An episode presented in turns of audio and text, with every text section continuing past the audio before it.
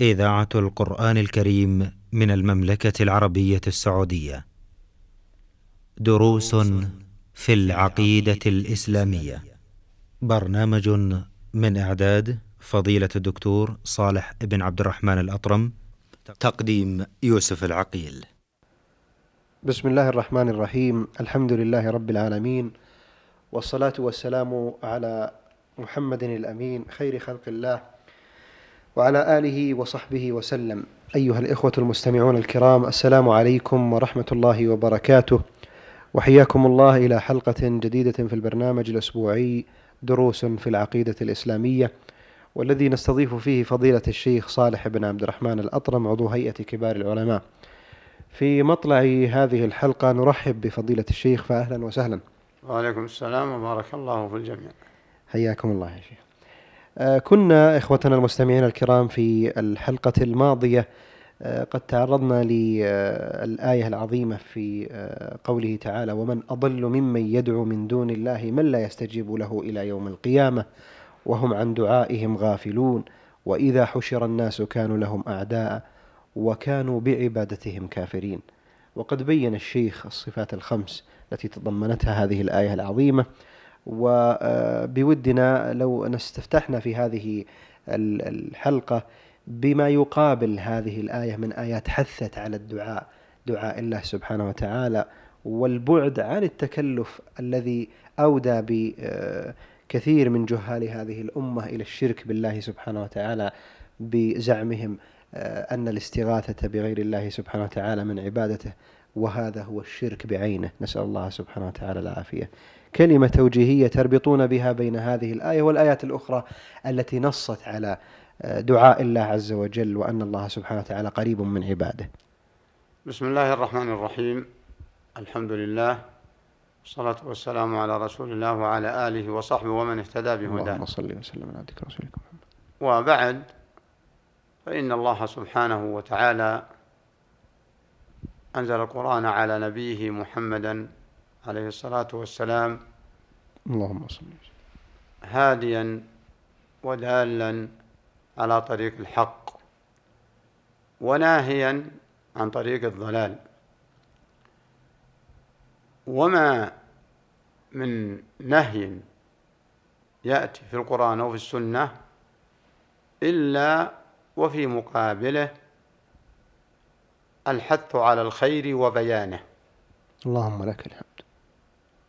و وبيان ما أعد الله لفاعل الخير وسالك السنة المحمدية والمتلمسين لما يرضي الله في كل مسألة في كل مسألة. ويتضح ذلك في أسلوب القرآن المدني لما كثر المسلمون والمؤمنون كثر النداء لهم في القرآن يا أيها الذين آمنوا يا أيها الذين آمنوا. فوصفهم بالإيمان يحفزهم للعمل بما تلقوه من محمد عليه الصلاة والسلام.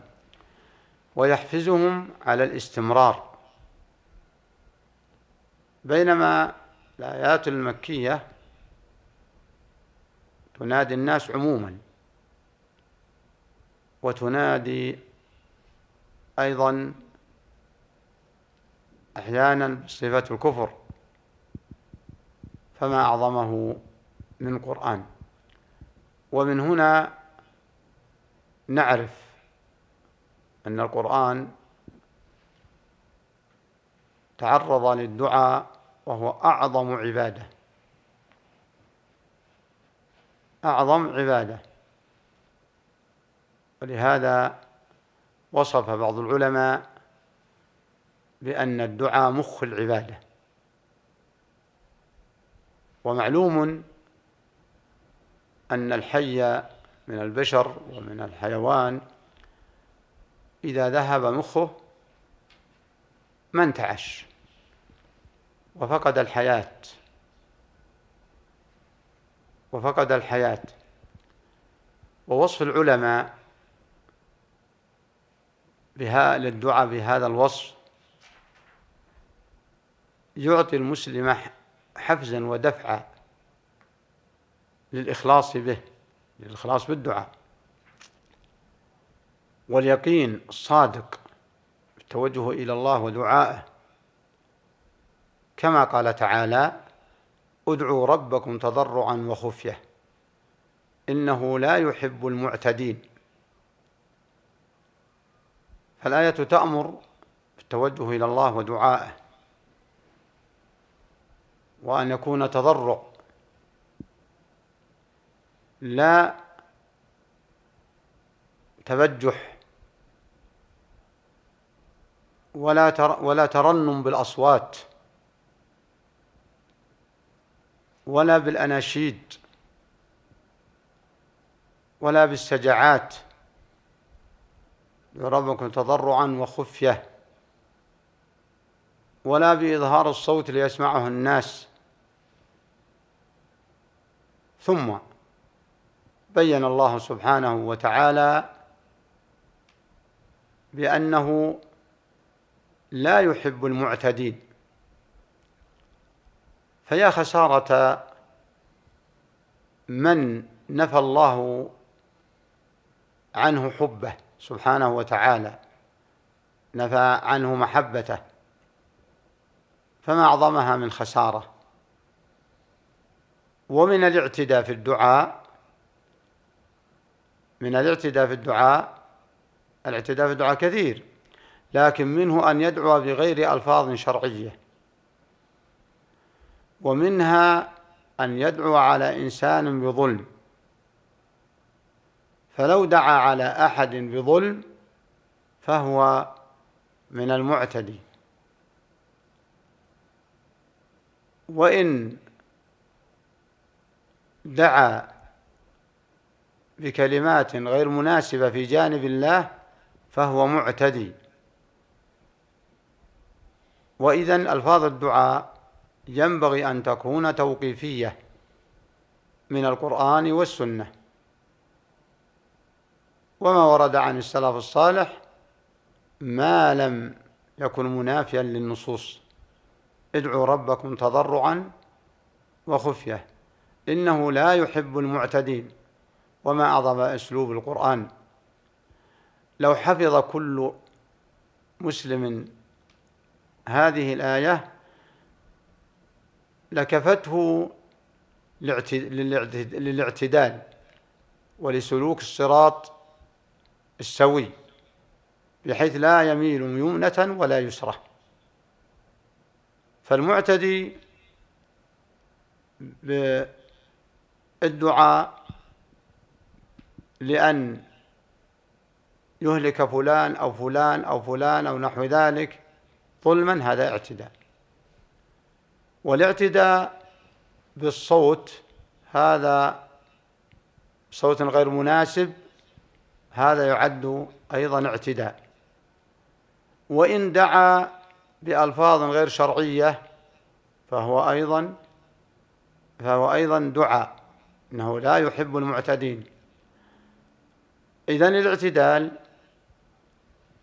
بدعاء الله بالآيات القرآنية وبالسنة النبوية وبالكلمات الشرعية التي وردت عن الصحابة والسلف الصالح.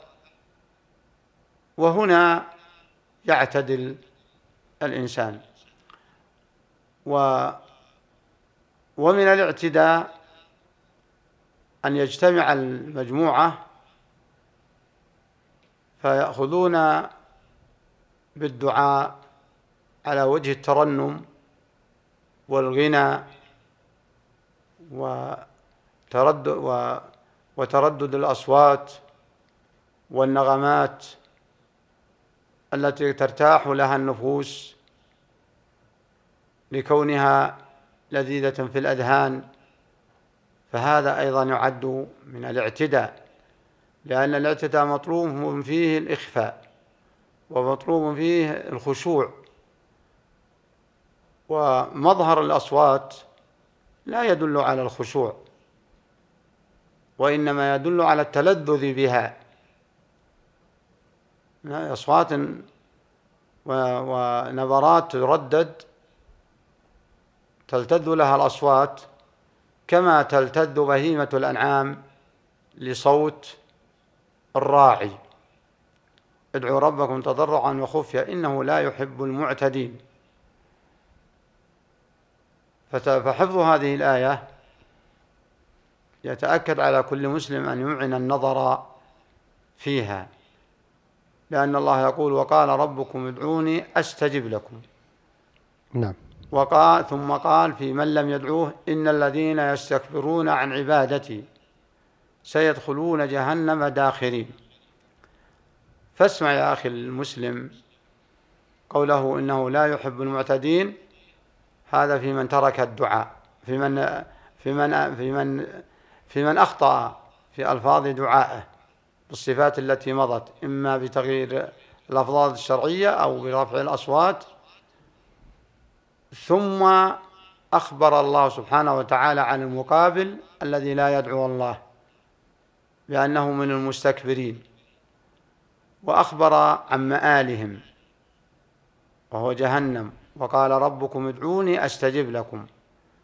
فدلت الآية على أن الدعاء عبادة وأنه سبب وأن الإخلاص فيه وموافقته للشرع سبب لاستجابة الله في, في, في الإجابة ثم بين حكم من استكبر عن دعائه ثم ثم بين مآله وهو جهنم سيدخلون جهنم داخرين.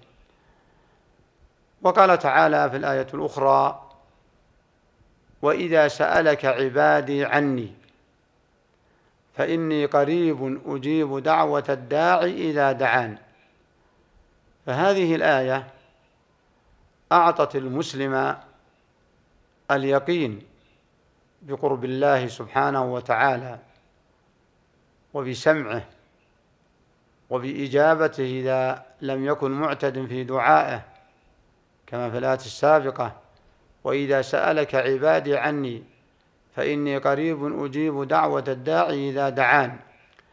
لأن الصحابة سألوا الرسول عليه الصلاة والسلام اللهم صل وسلم. فقالوا ربنا قريب فنناجيه أم بعيد فنناديه. فنزلت هذه الآية. الله أكبر. ما أعظمها من آية مؤدبة للداعي المخلص. وإذا سألك عبادي عني فإني قريب أجيب دعوة الداعي إذا دعان. فليستجيبوا لي وليؤمنوا بي لعلهم يرشدون. فذكر الله لهم الطريق السوي وهو الاستجابة لله ولرسوله والاستجابة معناها الانقياد والتماس الحق فليستجيبوا لي؟ لا يستجيبون لأهوائهم وما تتلذذ به أصواتهم ولا يستجيبون للشيطان ولا يستجيبون للمغنين. على المعازف والرباب والعود ونحو ذلك. فليستجيبوا لي؟ مع هذه الاستجابة وليؤمنوا بي. الإيمان الصادق. والإيمان الكامل وهو الذي يرجو رحمة ربه ويخاف عذابه. كما قال في الآية الأخرى أولئك الذين يدعون يبتغون إلى ربهم الوسيلة أيهم أقرب ويرجون رحمته ويخافون عذابه. إن عذاب ربك كان محذورا. فهذا الدعاء النافع. فاحفظ يا أخي وتأمل هاتين الآيتين وإذا سألك عبادي عني فإني قريب أجيب دعوة الداعي إذا دعان فليستجيبوا لي وليؤمنوا بي لعلهم يرشدون. واختتام هذه الآية دليل واضح على أن الرشد باتباع هدي الرسول عليه الصلاة والسلام وأن الرشد بأخذ أقواله وأفعاله وأن الرشد ترك الضلال ترك الضلال. فهذه الآيات التي دلت على آداب الدعاء ودلت على فضله ودلت على جزاء من زهد بدعاء ربه وترك وتركه.